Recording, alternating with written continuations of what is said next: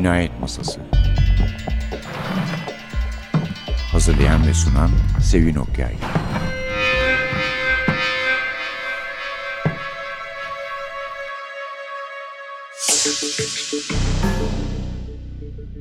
Merhaba, NTV Radyo'nun Cinayet Masası programına hoş geldiniz. Bugün size daha önce de haberini duyurduğumuz gibi Dick Francis'i sunuyoruz. En sevdiklerimizden hep üç kitabının basıldığı söylenir ama bize nasip olmadı hiç görmek. Bunu da bir şehir efsanesi olarak kabul ediyoruz. Suha Çalkivik takdim ettiğimiz bölümleri naçizane yaptığım çevirilerden okuyacak. Benim dünyada belki de en çok sevdiğim polisiye yazarı Dick Francis 89 yaşında öldü.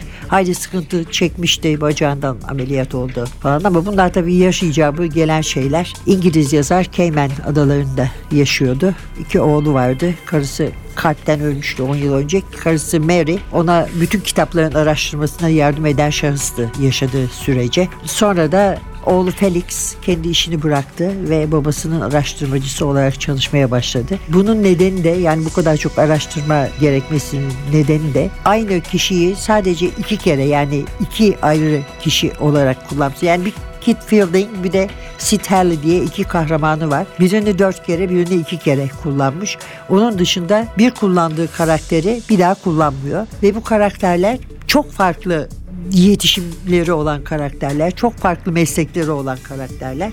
Ama genelde düzgün adamlar yani böyle diyebiliriz. Yani mesela cam üfleyici oluyorlar, sanatçı, jokey oluyorlar tabii. Çünkü esas mesele atlarla ilgili ve her kitapta daima bir yarış fonu var. Atlar var. Atlarla ilgili şeyler var.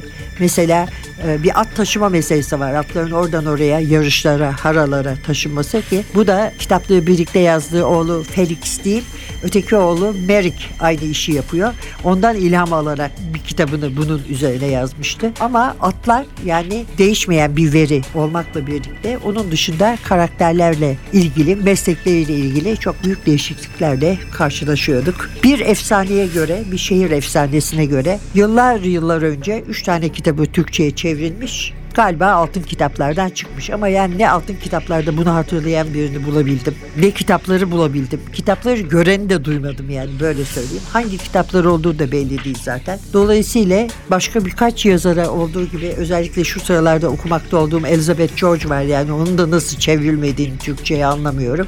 Dick Francis da maalesef çevrilmemiş bir yazar olarak kaldı. Yani Türklerin atlarla bir ilgisi olmadığını düşünüyorlarsa başka milletlerin ne kadar varsa o kadar vardır diye düşünüyorum ben de şekilde. Onun için malum bizim bir okuma bölümümüz var. Suha Çalkivik bize parçalar okuyor. Ben bir kere yıllar önce birkaç bölüm çevirmiştim bazı kitaplardan. Suha okumuştu bize. Onların şimdi hepsini birden okuyamayacağımıza göre üç tanesini seçtim bugün için. Ama Dick Francis muhabbetimiz bununla bitmeyecek. Üç tane yeni kitabı vardı. Biz hepimiz artık yazmayacaktı. Çünkü her yıl bir kitap yazardı. Her yıl bir kitap. Geç bir yaşta yazmaya başladığı halde. Niye olduğunu onun birazdan söyleyeceğim. Üç tane kitap yazdı. Bir dördüncüsü de çıktı. Daha ben okumadım yani. Bugün gidip alacağım kitabımı. Kitapçıda duruyor. Bugün okuyacağımız bölümler Desert isimli ilk kitabının birinci bölümü. Kahramanı bir jockey Alan York. İkincisi bugün bizde hep jokeyler var. Kit Fielding'in kahramanı olduğu iki kitaptan. Öteki Bolt bu Breaking'den. Üçüncüsü Stanley'nin kahramanı olduğu dört kitaptan Come to Grief Sitali o da bir jokeymiş ama bir sakatlık geçirip sol elinden olunca dedektiflik yapmaya başlamış. Gözünü budaktan esirgemeyen bir dedektif olduğunu söyleyebiliriz. Aynı zamanda son derece analitik bir kafası vardır ve inanılmayacak kadar dayanıklıdır.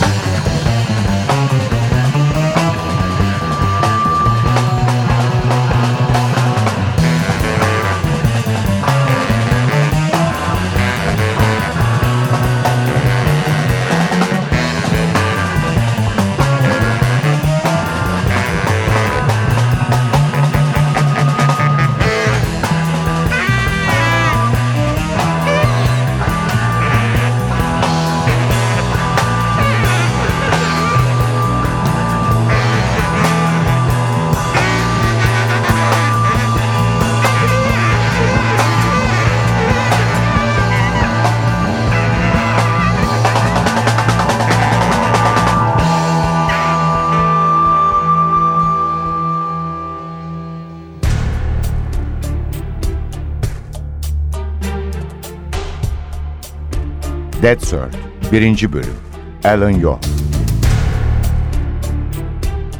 Yarış alanının alt tarafındaki dönemecin ilk bölümünü döndük. Bir sonraki çitten atlamak için atların başlarını düzelttik. Bill benim ve diğer atların en az 10 boy önündeydi. Üstelik kendini zorlamamıştı bile. Zaten genellikle zorlaması gerekmezdi. Bir sonraki çitten görevli dıştan içe geçerek yarış pistini açtı.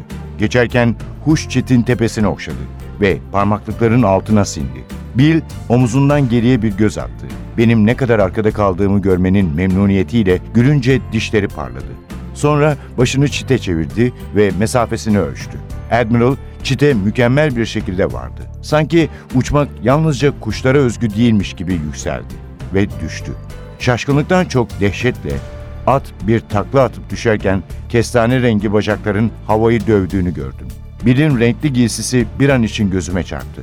Çıktığı en yüksek noktadan tepe üstü yere çakılmak üzereydi. Admiral'ın da ondan sonra tepe üstü düşüşünü duydum. Otomatikman sağa kaydım ve atımı tekmeleyerek çitten aşırdım. Üstünden geçerken havada eğilip bile baktım. Bir kolu dışarı uzanmış, vücudu gevşemiş halde yerde yatıyordu. Gözleri kapalıydı. Admiral tüm gücüyle sırtı yere dönük Bill'in korumasız karnına düşmüştü. Yeniden ayağa kalkabilmek için çılgınca bir çabayla öne arkaya yuvarlanıyordu. Bir an altlarında bir şey varmış izlenimine kapıldım. İlgisiz bir şey. Orada olmaması gereken bir şey. Ama doğru dürüst göremeyecek kadar hızlı gidiyordum. Atım çitten süratle uzaklaşırken kendimi sanki karnına tekmeyi yiyen benmişim gibi kötü hissettim. O düşüşte dosdoğru öldürücü sınıfa giren bir şeyler vardı. Omzumdan geriye baktım. Admiral ayağa kalkmayı başarmıştı. Başıboş bir şekilde koşuyordu. Çitin oradaki görevli ilerleyip yerde hareketsiz yatan Bill'in üzerine eğildi. Yarışla ilgilenmek için yine önüme döndüm. Önde bırakılmıştım. Orada da kalmam gerekiyordu. Pistin yan tarafından siyah takım elbiseli, beyaz atkılı bir ilk yardım görevlisi koşuyordu. Hizamdan geçti, şimdi yaklaştığım çitin yanında durmaktaydı ve bile yardım etmeye gidiyordu. Atımı ayağımla dürterek sonraki üç çitten aşırdım. Ama hevesim kaçmıştı. Kalabalık tribünlerin önüne birinci olarak çıktığımda seyircilerden yükselen iç çekme ve inleme karması duruma uygun bir karşılama gibi göründü. Finish noktasını geçtim, atımın boynunu okşadım ve tribünlere baktım. Başların çoğu hala son çite dönüktü. Geçilmez sisin içinde Admiral'ı son iki yıldır ilk kez bir yarış kaybeden kesin favoriyi arıyorlardı. Atına bindiğim orta yaşlı hoş kadın bile beni Admiral'a ne oldu sorusuyla karşıladı. Düştü dedim. Ne şans dedim Mrs. Mervyn mutlulukla gülerek. Gemi tuttu. Atını binicilerin eğerlerinin çıkarıldığı bölüme götürdü. Ben aşağı kaydım. Şokla beceriksizleşmiş parmaklarımla eğer tokalarını çözdüm. O atını okşadı ve gevezeliği sürdürerek kazandığına ne kadar sevindiğini, bunun ne kadar beklenmedik bir şey olduğunu, Admiral'ın değişiklik olsun diye bir kez tökezlemesinin ne büyük şans olduğunu söyledi. Bir başka açıdan bakılırsa da, eh çok yazıktı tabii. Başımı salladım, ona gülümsedim ve cevap vermedim. Çünkü söyleyeceklerim merhametsizce, hatta vahşice kaçabilirdi. Bırak birinciliğinin tadını çıkarsın diye düşündüm. Zaten pek ender yaşıyor bunu. Ve belki de Bill iyiydi, kim bilir.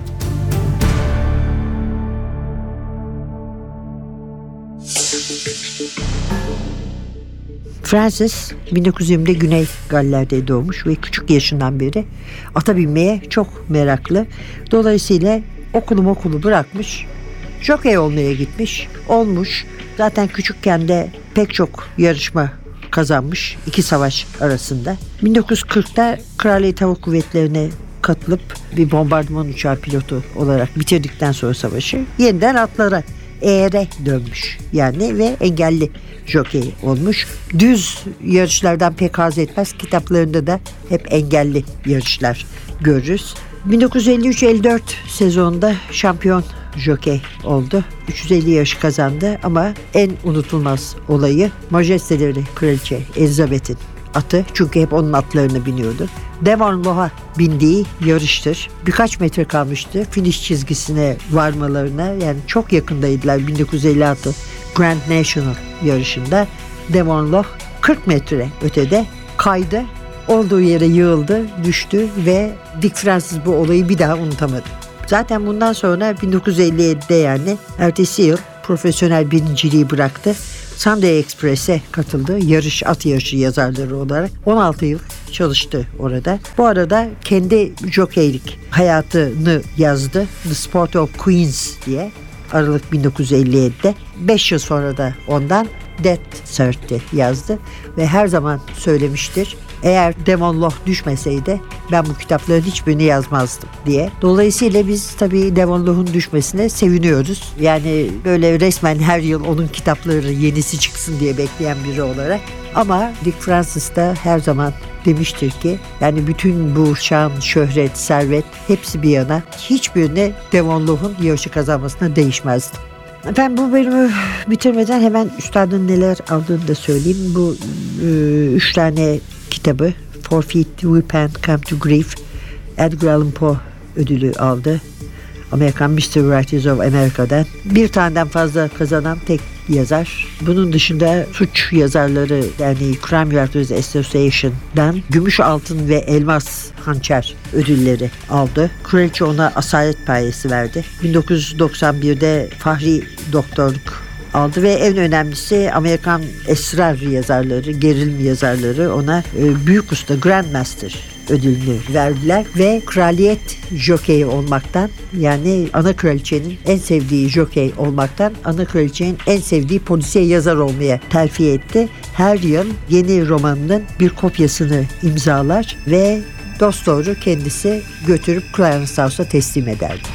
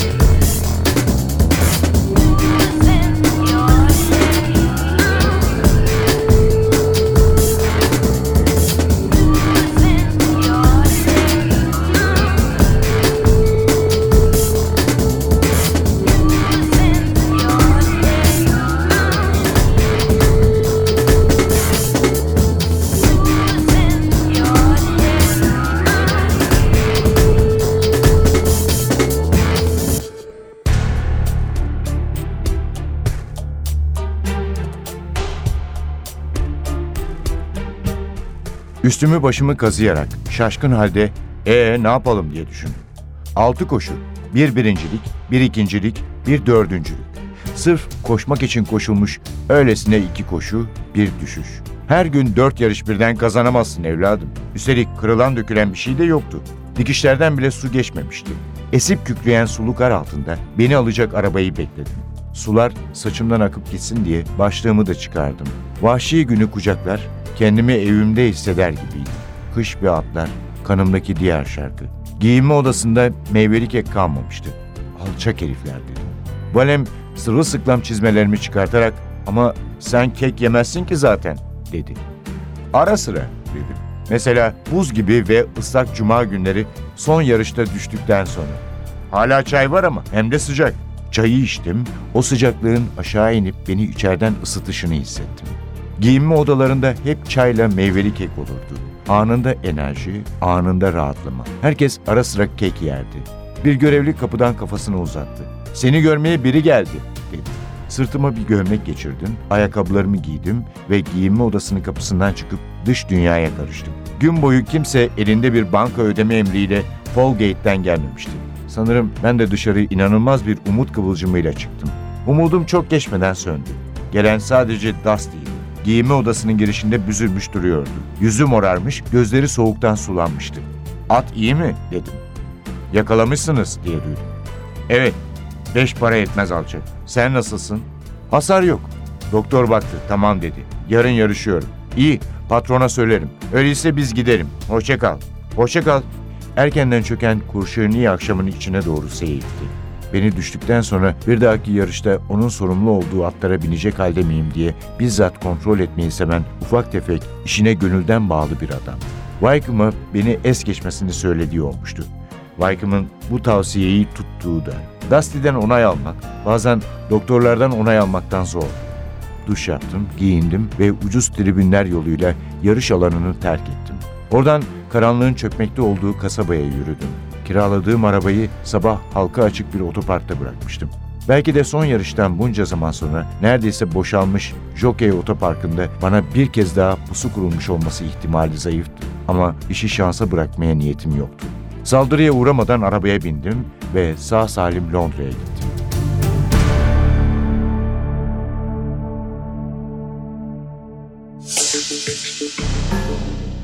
Dick Francis e, ilk kitabı Dead Cert'i dinlemiştik ilk bölümde. Şimdi de Break-In, Kit Fielding'in kahramanı olduğu kitaptan Suat Çalkivik bir parça okudu bize. Son olarak da bir Sid Haley okuyacağız. Ki Sid Haley benim bütün polisiye edebiyatta ne bileyim en sevdiğim beş karakterden bir tanesidir. Özel bir dedektif. Hafiye olarak. Gerçekten de sıra dışı bir karakter olduğunu söyleyebilirim. Engelli jokeymiş, şampiyon engelli jokeyi. Eli o kadar kötü bir şekilde sakatlanmış ki bir yarış kazasında yarışmayı bırakmak zorunda kalmış ve kendine çok alengirli de bir el yaptırmış yani bir sürü şey yapabiliyor. Takması çıkarması da bayağı zaman alıyor ve özen istiyor. Sonra da Hunt Radner'ın şirketinde çalışmaya başlıyor hafiye olarak. Hatta ortağı olmak üzereyken adam vefat ediyor. Burada başında yaralandığı zaman patronu başında tam imzalayacaklarken anlaşmayı Sitali'yi de ortak yapan anlaşmayı Radnor ölüyor evinde bir gün önce anlaşmadan. Burada mesela Odds Against'ten bir bölüm var. Orada büroda vurulmuş biri tarafından. Kendine geldiğinde başında iki polis var. Biri üniformalı biri sivil. Bir de doktor var tabii ama onun dışında Radnor yatağın ayak ucundan onu gözlüyor. Demiş ki doğrusu patronun yatağımın yanında hazır bulunacağı aklıma gelmezdi ama belki de yanında çalışanlardan biri her gün kendini böyle büyük bir belaya bulaştırmadığı içindir. Yeniden kendine geldi dedi. Gözleri de o kadar dumanlı değil. Belki bu sefer ağzından mantıklı bir şeyler alabiliriz. Saatine baktı. Radnor Durumu polise açıklayan da o. Size bizim Haley ile elemanlarımızdan bir başkasının soruşturduğumuz bir tehdit olayını açığa çıkarmak için tuzak kurduklarını söylemiştim. Büyük bir balık bekliyorlardı sanırım ama anlaşılan minicik bir tane yakalamışlar. Andrews önemsiz biridir. Getir götür işlerinde kullandıkları zayıf karakterli bir delikanlı. Silah taşıyacağı aklımın kıyısından geçmezdi. Değil kullanmak. E, Redner çok haklı çünkü Sid'in de aklının köşesinden bile geçmiyormuş doğrusu. Andrews'un silah taşıyacağı ve başında bu yüzden derde sokmuş. karakterinden söz ederken çok dayanıklı biri olduğunu söylemiştik. Birazdan dinleyeceğimiz bölümde birisi Alice. Lakabının tungsten karbit olduğunu söylüyor onun. Metallerin en sert olanı çeliği kesen bir metal. Ketum dayanıklı, cesur, mantıklı ama bütün bunlar tabii bir elinin olmadığı gerçeğini örtmeye yetmiyor. Bir de Kit Fielding'den söz etmiştik. O da şampiyon engelli jokeyi. 10 yıldır Wycombe Harlow'un yanında çalışmış atları eğiten biri. Atların sahibi de Prenses Casilia de Brescu ki az önce okuduğumuz bölümde prensesten de söz ediliyordu. Yani işte locasına misafirlerinin geldiğinden falan. Kit 2 yaşında yetim kalmış. İkiz kardeşi Holly ile birlikte büyük annesiyle büyük babası büyütmüş onları ve telepatik bir iletişim tarzları var. Birbirleriyle haberleşebiliyorlar. Kit'in telepatik yeteneği bindiği atları da kapsamına alıyor.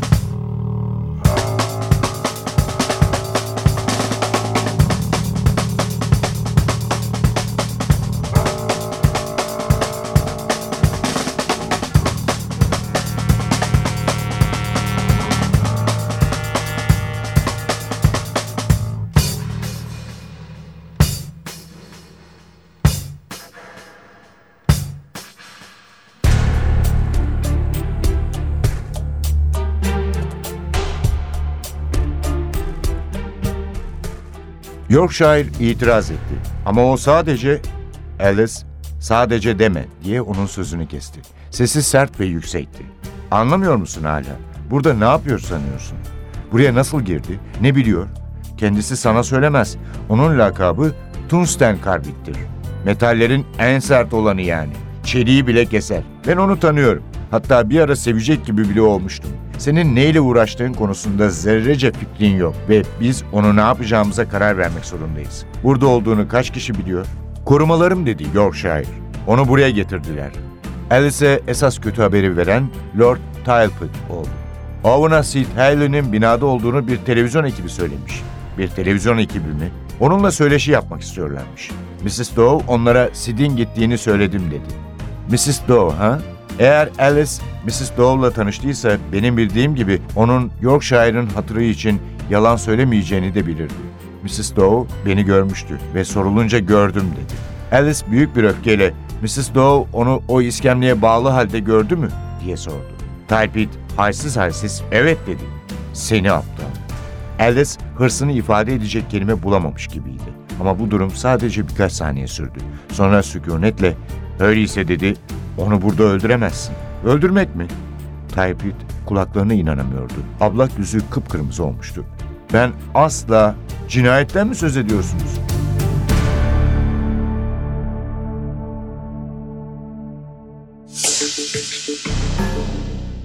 Evet, şimdi de Sitali'ye ilişkin onun kitaplarından, onun kahramanı olduğu kitaplardan birinden alınmış bir bölüm okuduk. Bu Dick Francis için fevkalade sıra dışı bir olay. Dediğimiz gibi bir kullandığı karakteri bir daha kullanmıyor. Yani baş karakterden söz ediyorum. Ee, Ve sadece iki tane kahramanları bir taneden fazla kitapta görünüyor. Daha önce de dediğimiz gibi. Ama Kit Fielding iki kitapla kalırken Sitali dört kitaba kadar uzanmış ve hakimiyetini ilan etmiş.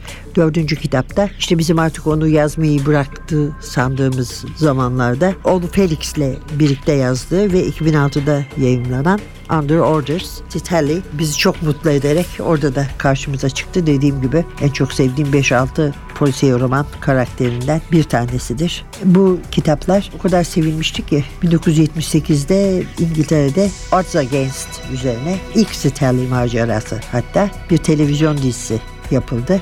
Francis danışmanı oldu dizinin ve genç tek elli bir aktör Michael Gwillim Stanley'i oynadı. Çok etkilendi ondan yani onun oyunundan çok etkilendi. O kadar etkilendi ki 1979'da ikinci Stanley macerasını yazdı ve ona Gwillim'e ithaf etti. Demek ki Sid'in yeniden ortaya çıkışını onu televizyonda büyük bir başarıyla canlandıran ve bir elde olmayan genç bir aktöre o zaman genç tabii 78'de genç olan bir aktöre borçluyuz ve Repent gerçekten de en beğenilen kitaplarından bir tanesidir Dick Francis'ın. 1995'te de ilk kez bir karakter üzerine üçüncü bir kitap yazdı. Böylece Kit Fielding de maalesef ikinci sırada kalma durumuna düştü. Tabii bunların hepsinin aynı işi yapmış bir insan olarak Dick Francis'in tecrübelerinden kazandığı şeyler var bu karakterlerin, olay örgülerinin. Ama dediğim gibi tesadüfen seçmediğim ve Kit Fielding ve Sid Haley kitaplarından bölümler dinlemenizi istediğim bir de ilk kitabı olduğu için Dead Cert'i de dahil ettiğim bu küçük seçkide hep jokeyler var. Oysa öyle değiller. Yani araştırmalarının da ana hedefini oluşturan şey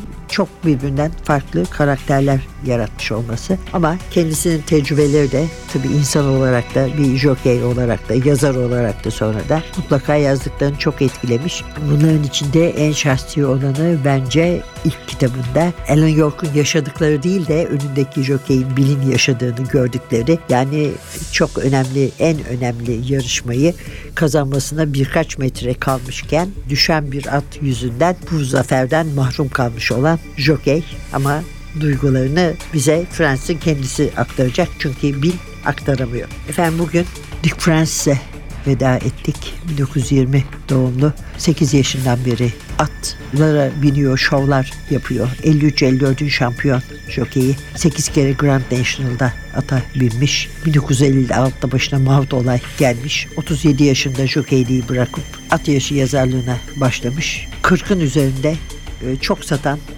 polisiye roman yazmış, sayısız ödül almış bir yazardı. Biz bugün size onun kitaplarından üç tanesinden Death Thirt'ten e, Alan York kahramanı bir engelli jokeyi bir bölüm okuduk. Breaking'den Kit Fielding o da engelli jokeyi. Bugün zaten bütün karakterlerimiz öyle.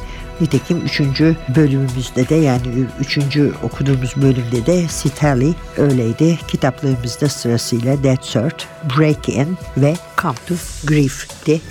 Evet efendim önümüzdeki hafta başka bir programda yeniden buluşmak umuduyla biz hepimiz size veda ediyoruz. Mikrofonda Sevin, masada Evren ve kitaplardan bölümler okuyan arkadaşımız Suha Çalkvik. Bir hafta sonrasına kadar hoşçakalın. Cinayet